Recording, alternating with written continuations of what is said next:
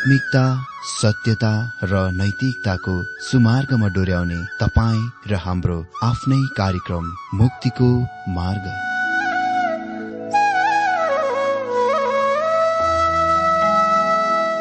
आदरणीय श्रोता यस मुक्तिको मार्ग कार्यक्रममा हार्दिक स्वागत छ।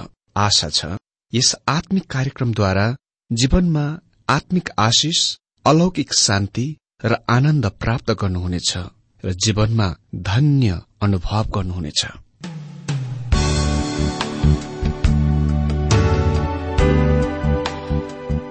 प्रिय श्रोता यो प्रसारण मार्फत यो अवगत गराउन चाहन्छौ कि प्रभुको सेवाको लागि यहाँहरूको साझेदारी नित्यन्त आवश्यकता छ।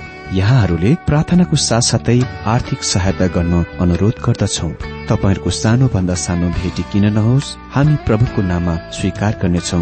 प्रभुको सेवाको लागि। तपाईँहरूको यो सानो लगानीले कसैको जीवनमा भिन्नता ल्याउँछ अनि प्रभुको महिमा हुन्छ। प्रभु तपाईँहरूलाई महान गरी आशिष दिनुहुनेछ। इच्छुक श्रोताहरूले तपाईँको इच्छा भेटी हाम्रो ठेगानामा पठाउन सक्नुहुन्छ जुन ठेगाना हामी कार्यक्रमको अन्तमा दिनेछौं। प्रिय श्रोता मित्र आज पनि यहाँ सबैलाई मेरो हार्दिक स्वागत छ। यो कार्यक्रममा साथै जय मसी श्रोता आज हामी बाइबल अध्ययन प्रकाश सात अध्यय एकदेखि आठ पदबाट अध्ययन गर्न गइरहेका छौं। यहाँ हामी मुख्य विषयको रूपमा देख्नेछौ। छैटौं र सातौं छापहरूको बीच अन्तराल वा मध्यन्तरको लागि कारण यो सात अध्ययको पहिला तीन पदहरूमा दिइएको छ। प्रकाश सात अध्यय एक पदमा यस प्रकार लेखिएको छ यसपछि पृथ्वीमा वा समुद्रमा वा रूखमा बतास नचलोस् भनी चार स्वर्गीयदूतहरू पृथ्वीका चारै बतासहरूलाई रोकेर पृथ्वीका चार कुनामा उभिरहेको मैले देखे। यी कुराहरूपछि यसले चाहिँ पूर्ववर्ती अध्याय वा छ अध्यायको भयानक दण्डको संकेत गर्दछ जुन चार घोडचडीहरूका सवारमा घटित भएको थियो। चार घोडचडीहरूको सवारमा म विश्वास गर्दछु कि हामीलाई महाक्लेश अवधिको समग्र तस्विरको सानो दृश्य दिइएको छ र अहिले विवरणहरू हामीलाई दिइनेछ। अनि यी कुराहरूपछि मैले चार स्वर्गीय दूतहरूलाई चारै कुनाहरूमा उभिरहेको देखे। मित्र पृथ्वीसँग चार कुनाहरू छन्। तिनीहरू उत्तर पूर्व दक्षिण र पश्चिम। अनि यिनै चार कुनाहरू हुन्। अनि त्यो नै चार स्वर्गीय दूतहरूको दिशा हो। एकजना उत्तरमा छ एउटा पूर्वमा एउटा दक्षिणमा र एउटा पश्चिममा। किन स्वर्गीय दूतहरू पृथ्वीका चारै कुनाहरूमा उभिरहेका थिए त? भन्दा पृथ्वीमाथि समुद्रमाथि र हरेक रूखमाथि हावा नचलोस् भनी पृथ्वीका चार हावाहरू पक्रेर पृथ्वीका चारै कुनाहरूमा उभिरहेका थिए। अनि यिनीहरू सम्भावत दण्डका हावाहरू थिए। परमेश्वरले हावालाई दण्डमा प्रयोग गर्नुहुन्छ। अनि उहाँले हावाको नियन्त्रण गर्नुहुन्छ। भजन संग्रह एक सौ अडतालिसको आठ पदले भन्छ बेजुली र असिना हिउँ र बादल उहाँको वचन मान्ने आँधी भेरी हो। दण्डका हावाहरूलाई अहिले समातेर राखिएका छन्। कुनै कुरा बढ्ने छैन र गर्नुहुने छैन जबसम्म परमेश्वरले आफ्नो उद्देश्य पूरा गर्नुहुने छैन। उहाँको उद्देश्य के हुन गइरहेको छ त? मलाई लाग्दैन कि परमेश्वरले पृथ्वीमा कुनै अवधिलाई निरन्तर जारी रहन अनुमति दिन हुने थियो। जुनमा परमेश्वर कहाँ फर्कने केही मानिसहरू थिएनन् वा नभए? किनभने त्यो नै उहाँको उद्देश्य हो। म सोच्दिन कि उहाँले यो विश्वलाई निरन्तर निरन्तर चलिरहन दिनुहुन्थ्यो। म सोच्दछु कि उहाँले यसलाई बन्द गरिदिनुहुने थियो र यसलाई अस्तित्वविहीन बनाउन सक्नुहुन्थ्यो। यदि मानिसहरू उहाँका नफर्किरहेको भए त्यसकारण यो नै त्यो समय अवधि हुनेछ जब भीड़को भीड़ मानिसहरू उहाँ कहाँ फर्कनेछन्। झुनको झुन मानिसहरू उद्धार पाउन गइरहेका छन्। र यसले यो संकेत गर्दछ कि यी दण्डहरूले परमेश्वरको लागि उद्देश्यको पूरा गर्नेछ। यसले झुण्डका झुण्ड मानिसहरूलाई उहाँ कहाँ फर्काउनेछ? भने यसले अर्को जमात झुण्डलाई उहाँको विरूद्ध पनि फर्किने बनाउनेछ। यो हिलो माटोमा घामको तापको प्रभाव जस्तै हो। सूर्यले हिलो माटोलाई के गर्नेछ त? त्यसले हिलो माटोलाई कडा बनाउनेछ। अब त्यही घामले मैनमाथि चाहिँ के कस्तो प्रभाव पार्छ त? त्यसले मैनलाई बगाल्छ। सूर्यसँग हिलो माटोमाथि र मैनमाथि ठिक विपरीत प्रभाव छ। परमेश्वरको दण्डहरू बिल्कुल त्यस्तै छ। हामी विश्वासीहरूको रूपमा हाम्रा जीवनहरूमा जब हामीमा कष्टहरू आउँछ मैले यो आफ्नै जीवनमा पत्ता लगाएको छु। यसले या त हामीलाई परमेश्वरतिर खिच्दछ या यसले हामीलाई उहाँबाट टाढा धपाई पठाउँछ। हामी उहाँका खिचेन वा आउन आवश्यक छ अनि यो नै कारण प्रभुले हामी कोहीलाई विराम हुन अनुमति दिनुहुन्छ। उहाँ हामीलाई उहाँका नजिकमा खिच्न चाहनुहुन्छ अनि यो उहाँको त्यो गर्ने तरिका हो। हामी यो अध्यायमा सम्पूर्ण साना विवरणहरू वर्णन गर्न सक्दैनौ कमसे कम म सक्दिन। म ती आज हाम्रा दिनका भविष्यवाणी शिक्षकहरूसँग अलिकति दिक्क हुन्छु किनकि तिनीहरू हरेक कुरा जान्ने हौ भन्ने दावी गर्दछन्। यस्तो देखिन्दछ मानव तिनीहरूको प्रभुसँग व्यक्तिगत निजी लाइन छ कनेक्सन छ। प्रभु फेरि कहिले आइरहनु भएको छ? तिनीहरूले त्यसको मितिको जान्दछन्। अनि त्यति मात्र होइन। तिनीहरूले यी केही अनुच्छेदहरूको केही अति नै अचम्बित तरिकामा व्याख्या वा अर्थ खुलाउन पनि सक्छन्। कहाँ चाहिँ शास्त्रले भन्छ अर्मागदोनको युद्धको अवधिमा रगत मुखको लगामसम्म हुनेछ? अनि यी कोही कोहीले तपाईँलाई भन्न सक्छन् कि यो कुन किसिमको रगत हो? तिनीहरूले मलाई अनावश्यक रूपमा नाराज बनाउँछन् दिक्क बनाउँछन् किनभने मैले त्यस्तो प्रकारको जानकारी कहीँ पनि शास्त्रमा पाउँदैन। अनि म यस कुरामा छक्कै पर्छु कि त्यसको महत्व के हो जब तपाईँ त्यसको बुझ्नुहुन्छ वा पाउनुहुन्छ? कुरालाई शुरू गर्दा मण्डलीले यसको एकदम स्पष्ट रूपले बुझ्नुपर्छ कि हामी यस अवधिमा पढ्ने कुराबाट छुटकारा पाइसकेका छौं। हामी यस अवधिमा भएर जानु पर्दैन। प्रभु येशुले भन्नुभयो युहान पाँच अध्ययको चौबिस पदमा म तिमीहरूलाई भन्दछु जसले मेरो वचन सुन्छ र मलाई पठाउनु हुने माथि विश्वास गर्छ उसँग अनन्त जीवन छ। र ऊ न्यायमा पर्ने छैन। तर मृत्युबाट जीवनमा सरिसकेको हुन्छ। महाक्लेश दण्ड हो र मण्डली त्यसमा पर्ने छैन। उहाँले फिलिडेल्फियाको मण्डलीलाई एकदम स्पष्ट बनाउनु भयो कि उहाँले तिनीहरूलाई त्यस घड़ीबाट छुटकारा दिन गइरहनु भएको थियो। कुन घड़ी त? त्यो घड़ीको जुनको विषयमा युवा यहाँ कुरा गरिरहेका छन्। हामीले शास्त्र स्वयंलाई बोल्न दिनुपर्छ। सात अध्यय दुई र तीन पदमा लेखिएको छ तब जीवित परमेश्वरको मोहोर सातमा लि अर्को एकजना स्वर्गीयदूत पूर्वबाट उक्लेका मैले देखे। पृथ्वी र समुद्रलाई हानि पुर्याउने अख्तियार दिइराखेका चार स्वर्गीयदूतलाई यसो भनेर तिनले चर्को स्वरले भने हामीले हाम्रा परमेश्वरका दासहरूका निधारमा मोहोर नलाउन्जेल पृथ्वी समुद्र वा रूखहरूलाई केही हानि नगर। अर्को स्वर्गीयदूतको मतलब यो पाँचौं स्वर्गीयदूत हो। उनी निश्चय नै अन्य पहिलेका चार स्वर्गीयदूतहरूभन्दा उच्च दर्जा वा ओहदाका स्वर्गीयदूत हुन सक्छ किनभने उसले तिनीहरूलाई आज्ञाहरू दिन्छन्। हामीले दानियलको पुस्तकमा र एफिसीहरूलाई लेखेको पावलको पत्रमा देख्छौ दुवै असल र खराब पतित स्वर्गीयदूतहरूको ओहदा दर्जाहरू छन्। शैतानसँग संगठित आफ्ना प्रेत आत्मा संसार छ।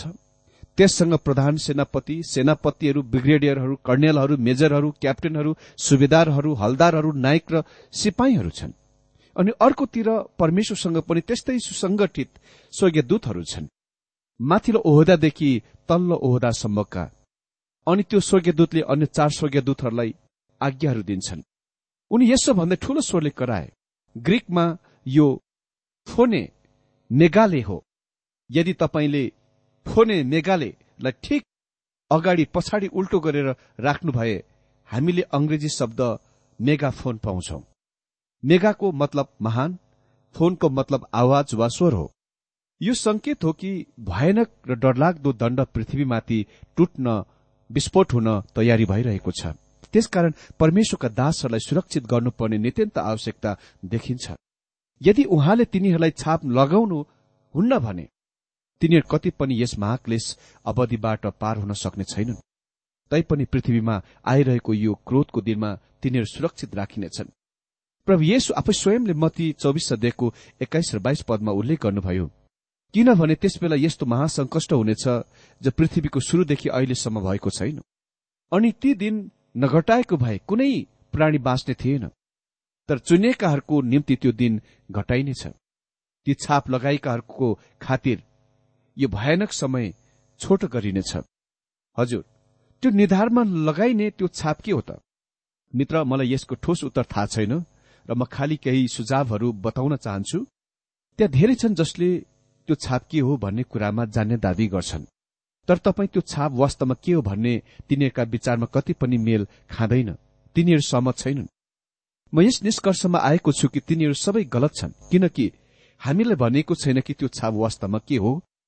अनि मलाई लाग्दैन कि यसको बारेमा मण्डली चर्चको लागि थाहा पाइराख्नुपर्ने कुनै महत्वपूर्ण कुरै छ। हामीलाई खालि यो मात्र भनिएको छ तिनीहरूलाई छाप मारिनेछ। हामी जान्दछौ कि त्यहाँ कोही छन् जसले त्यस अवधिमा किनबेच गर्न योग्य हुने छैनन् जब ख्रिस्ट विरोधी आउँदछ। जबसम्म तिनीहरूसँग त्यस पशुको छाप हुँदैन त्यो परमेश्वरको छाप पशुको छापको ठिक विपरीतको छ।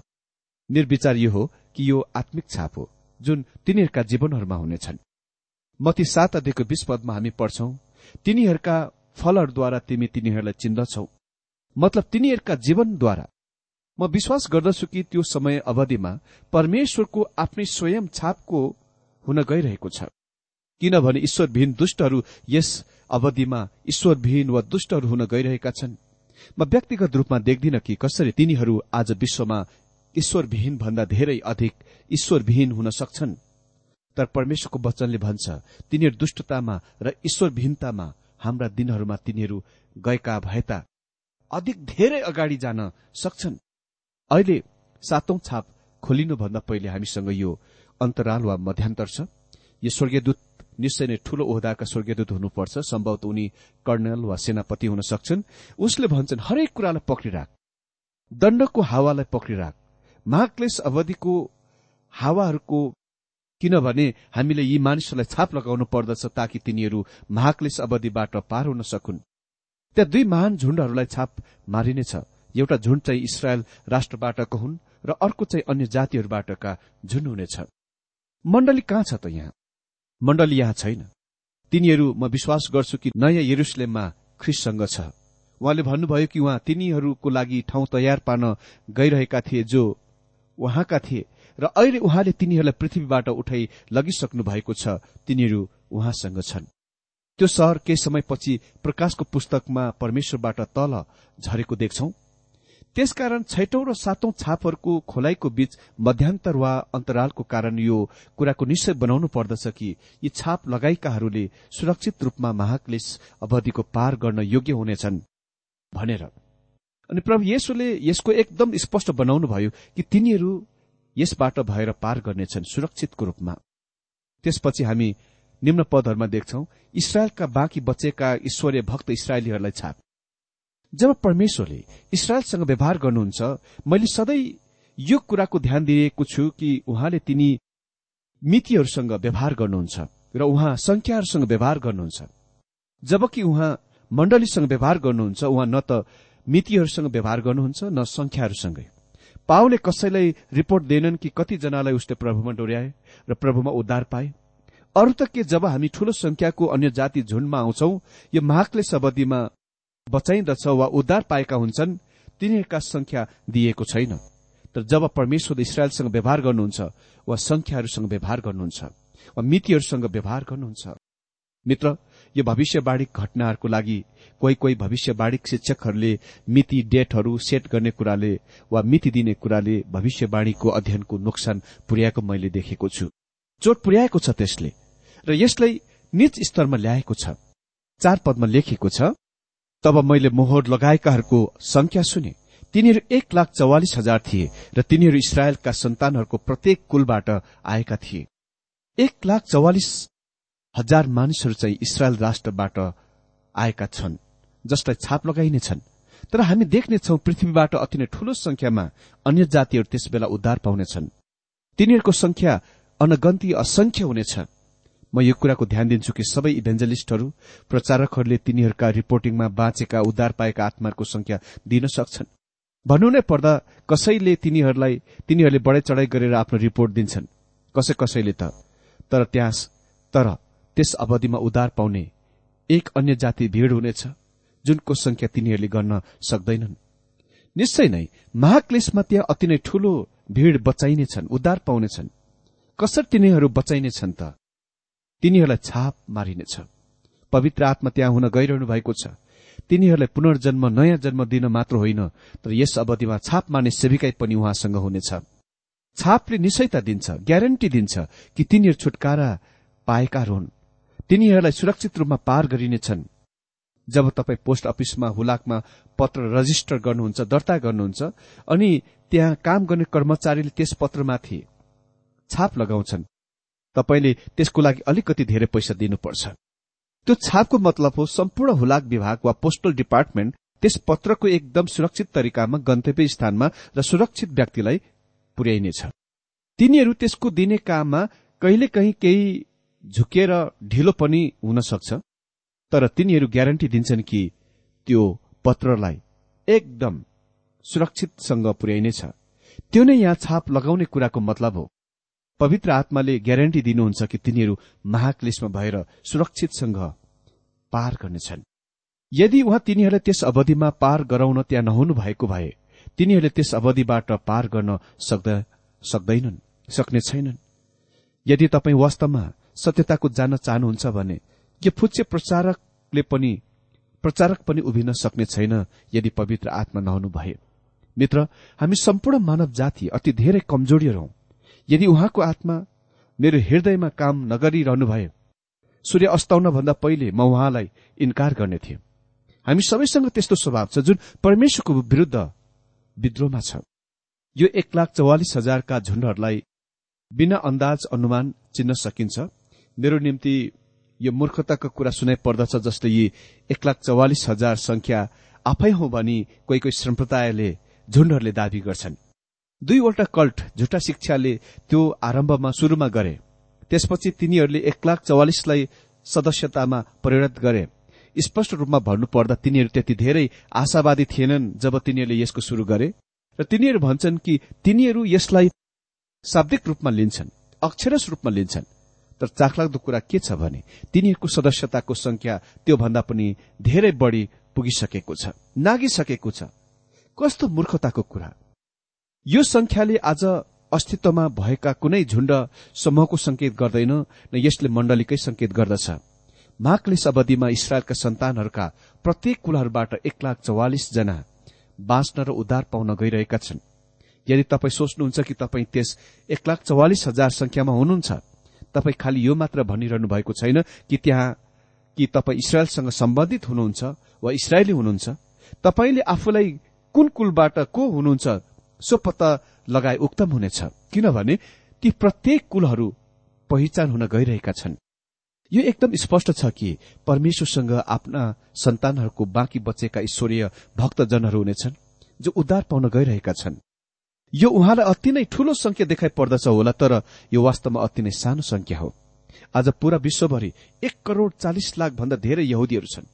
अनि त्यस संख्याको तुलनामा तपाईँ त्यस इसरायलका सन्तानको बाँकी रहेका ईश्वरीय जनहरूको संख्या अति नै कम भएको देख्न सक्नुहुन्छ। यहाँ यस संख्याको बारेमा तिनीहरू को हुन् भन्ने बारेमा अनुमान लगाइराख्नु पर्ने र प्रतीकहरूमा तिनीहरूको चित्रित गर्ने कोसिसमा कुनै कामै छैन। कुनै आवश्यक छैन। कोही कोहीले यो पनि भन्दछन् कि एक लाख चौवालिस हजार अर्को संख्याको प्रतीक हो। के परमेश्वर भन्न सक्नुहुन्न जुन उहाँ भन्न चाहनुहुन्छ? के उहाँ गर्न सक्नुहुन्न? निश्चय नै उहाँ सक्नुहुन्छ। यदि उहाँले एक लाख चौवालिस हजार भन्नुहुन्छ भने मलाई लाग्दैन कि उहाँको मतलब एक लाख पैंतालिस हजार। अह म सोच्दछु कि उहाँको मतलब बिल्कुल एक लाख चौवालिस हजार हो। अनि इसरायलीहरूका सबै कुलहरूको परमेश्वरले आदमलाई बोलाउनु भएको समयबाट नै त्यहाँ सधैँ बाँकी रहेका रेमनेन्टहरू ईश्वरीय भक्तजनहरू छन्। आज पनि बाँकी रहेका भक्तजनहरू छन्। म धेरै महान ख्रिस्टियन यहुदीहरूलाई जान्दछु। मलाई थाहा छैन किन म त्यो भन्दछु। म Christian American Christian German Christian Nepal Christian Indian भन्दैन तर हामी यो इसरायलको सम्बन्धमा भन्दछौ कारण आज त्यहाँ बाँकी रहेका ईश्वरीय भक्तजनहरू छन्। यो अति नै ठूलो बाँकी रहेको भक्तजन ईश्वरीय भक्तजनहरू होइनन् तर त्यहाँ अन्य जातिबाट पनि त्यति ठूलो बाँकी रहेका रेमनेन्ट समूह झुण्ड छन् म सोच्दछु कि अल्पसंख्याहरू चाहिँ ख्रिस्टमा पक्का विश्वासीहरू हुन्। साँचो पक्का विश्वासीहरू अति नै कम संख्यामा छन्। संसारको जनसंख्याको तुलनामा पाउले रोमी नौ अध्यायको आठ पदमा भन्छन् अर्थात जो जो शरीरका सन्तानहरू हुन् तिनीहरू परमेश्वरका सन्तान होइनन् तर प्रतिज्ञाका सन्तानहरू चाहिँ वंश ठरिन्छन् अनि यो आज बिल्कुल सत्य हो। पावल रोमी एघारको चार पाँच पदमा लेख्छन् तर परमेश्वरको जवाफले उनलाई के भन्दछ? मैले मेरो निम्ति सात हजार मानिसहरूलाई जोगाइराखेको छु जसले बालको सामु घोडा टेकेको छैन। तब यही प्रकारले यस वर्तमान समयमा पनि अनुग्रहको चुनाव अनुसार बाँकी रहेकाहरू छन्। पाओले भने कि उसका दिनमा मण्डलीमा केही बाँकी रहेकाहरू ईश्वरीय भक्तजनहरू थिए। अनि हाम्रो दिनमा पनि आज बाँकी रहेका ईश्वरीय जनहरू छन् जसले उहाँलाई खोज्छन्। माघले सबदीमा पनि बाँकी रहेकाहरू भक्तजनहरू छन् अनि त्यसको संख्या दिइएको छ। तिनीहरू नै ती मानिसहरू हुन् जसले माघले सबदीमा साक्षी दिन गइरहेका छन्। मती चौबिस अध्ययको चौध पदमा महाक्लेशको सम्बन्धमा बोल्नुहुँदा प्रभु येशुले भन्नुभयो अनि यो राज्यको सुसमाचार चाहिँ सबै जातिहरूको लागि साक्षी हुनलाई सारा संसारमा प्रचारिनेछ अनि त्यसपछि अन्त आउनेछ। कसैले झट्टै भन्ला राज्यको समाचार बेग्लै हो। निश्चय नै यो बेग्लै होइन। परमेश्वरसँग पापीहरूलाई बचाउने र उद्धार गर्ने एउटा बाटो बाहेक अरू कुनै बाटो छैन। अनि त्यो बाटो ख्रिस्टको मृत्युद्वारा हो। यदि तपाईँले हाबिलले हाबिललाई सोध्नु भए जब उसले परमप्रभुलाई चढाउन सानो पाठा ल्यायो हाबिल के तिमी सोध्छौ कि त्यस सानो पाठोले तिमीलाई उद्धार गर्छ? उसले भनेथे अह यो सानो पाठोले उहाँको प्रतिनिधित्व गरिरहेको छ जसको बारेमा मेरो आमालाई परमेश्वरले भन्नुभयो कि उहाँको लाइन वंशबाट स्त्रीबाट आउन गइरहनु भएको छ अनि उहाँ मात्र संसारको उद्धारकर्ता हुनुहुन्छ। यो सानो थुमाले उहाँको रूपक दिन्छ। बत्तीसमा दिने युहानले भने हेर परमेश्वरको थुमा जुनले संसारको पापहरू उठाइ लैजान्छ। राज्यको सुसमाचार ख्रिष्टको मृत्यु दफन र पुनरुत्थानको सुसमाचार हो। जुनले इसरायल राष्ट्रलाई सतर्क गराउन गइरहेको छ र धेरै ख्रिस्टियन ख्रिस्ट कहाँ फर्किआउनेछन्। यिनीहरूले सुसमाचारको प्रचार गर्दछन् तर तिनीहरूले त्यसमा थप्ने केही कुरा छ जुनको आज हामीसँग भन्ने कुरा कुनै अधिकार छैन। तिनीहरूले भन्नेछन् अनि त्यसपछि अन्त आउनेछ। हामीसँग यो भन्ने कुनै अधिकार छैन कि ख्रिस्ट चाँडै फर्की आउँदै हुनुहुन्छ। किनकि हामी यसको दिनको जान्दैनौ।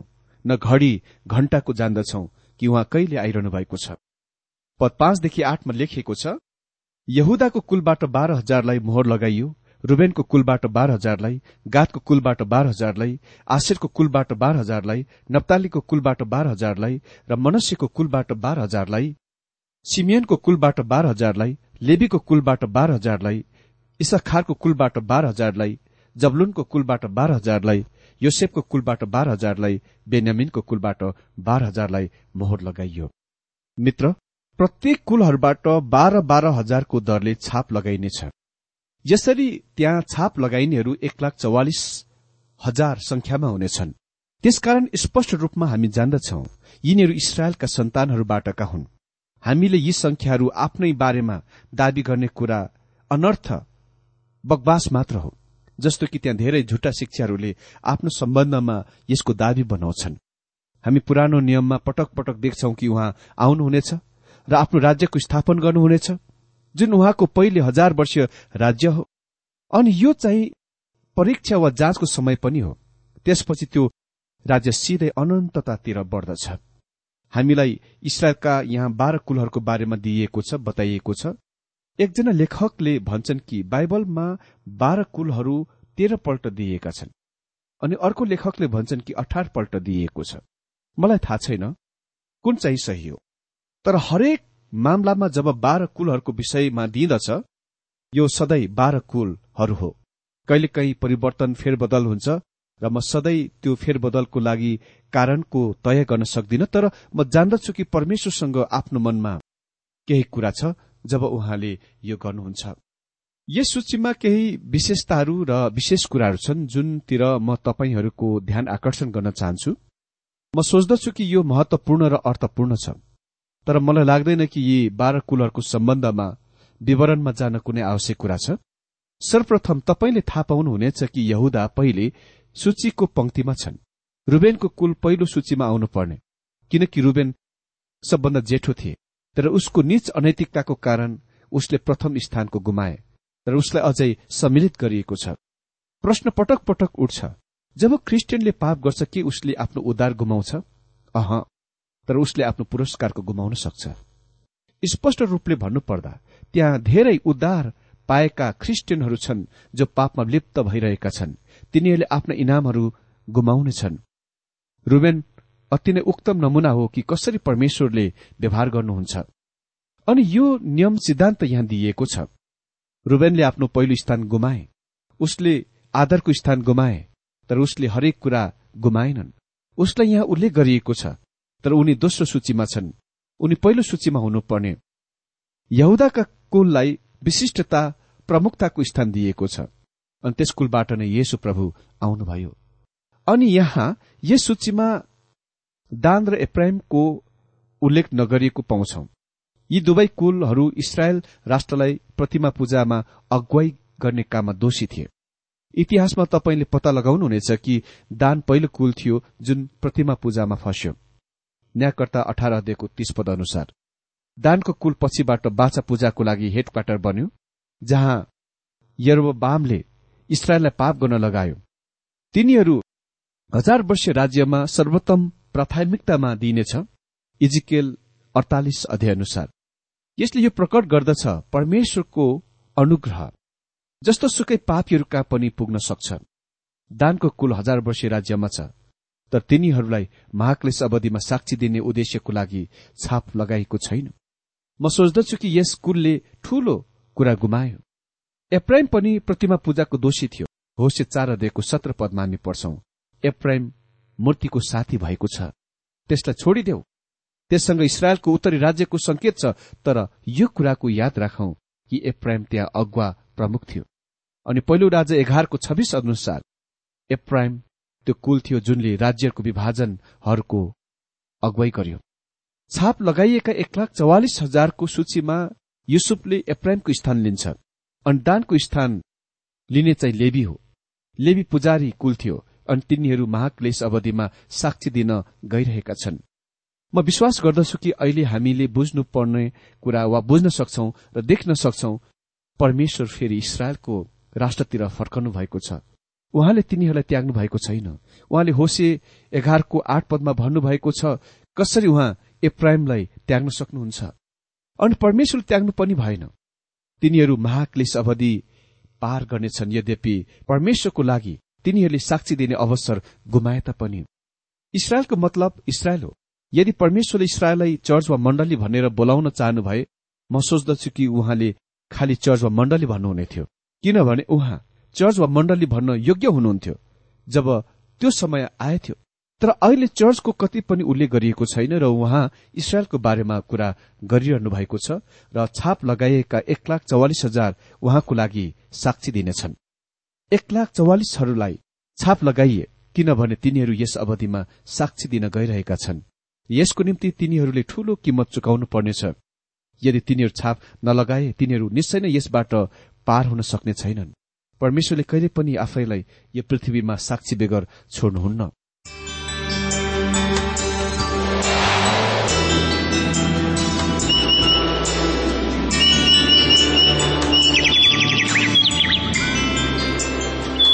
प्रिय श्रोता अहिले भर्खरै तपाईँले टीडब्ल्यूआर नेपालद्वारा सञ्चालित आत्मिक कार्यक्रम मुक्तिको मार्ग सुनिरहनु भएको थियो। श्रोता आजको यो कार्यक्रम सुनेर तपाईँलाई कस्तो लाग्यो? यदि यो कार्यक्रम सुनेर मनमा कुनै खुल्दुली वा कुनै प्रतिक्रिया अर्थात सुझावहरू छन् भने हामीलाई पत्रद्वारा लेख्न सक्नुहुनेछ। हामी हृदयदेखि नै स्वागत गर्नेछौ स्वीकार गर्नेछौ साथै बाइबल सम्बन्धित प्रचारहरू कार्यक्रम सारणीहरू हामी अनुरोधमा पठाउन सक्छौ। अनि तपाईँसँग कुनै प्रार्थनाको विषय छन् भने हामीले तपाईँको लागि प्रार्थना गरेको चाहनुहुन्छ। चाहनुहुन्छ भने प्रभुमा आफ्नै परिवार सम्झेर हामीलाई पत्रमा लेख्न सक्नुहुनेछ। तपाईँको लागि हामी प्रभु येशुसँग प्रार्थना गर्नेछौ। अधिक जानकारी र पत्रचारको लागि हाम्रो ठेगाना यस प्रकार छ। कार्यक्रम मुक्तिको मार्ग जीपीओ नम्बर उनानब्बे पचहत्तर एपिसी पच्चिस एकसठी काठमाडौँ। ठेगाना एकपल्ट सुन्नुहोला। कार्यक्रम मुक्तिको मार्ग जीपीओ नम्बर उनानब्बे पचहत्तर एपिसी पच्चिस एकसठी काठमाडौँ। हाम्रो इमेल एड्रेस हो TWR Nepal at Yahoo dot com. साथै यस नम्बरमा एसएमएस गर्न सक्नु सक्नुहुनेछ। अन्ठानब्बे चार सत्तरी पैतिस छ सय उनासी नौ आठ चार सात जिरो तीन पाँच छ सात नौ। हुन्छ श्रोता आजलाई हामी विदा चाहन्छौ। अर्को कार्यक्रममा हामी पुनः भेट्नेछौ तबसम्मलाई नमस्कार।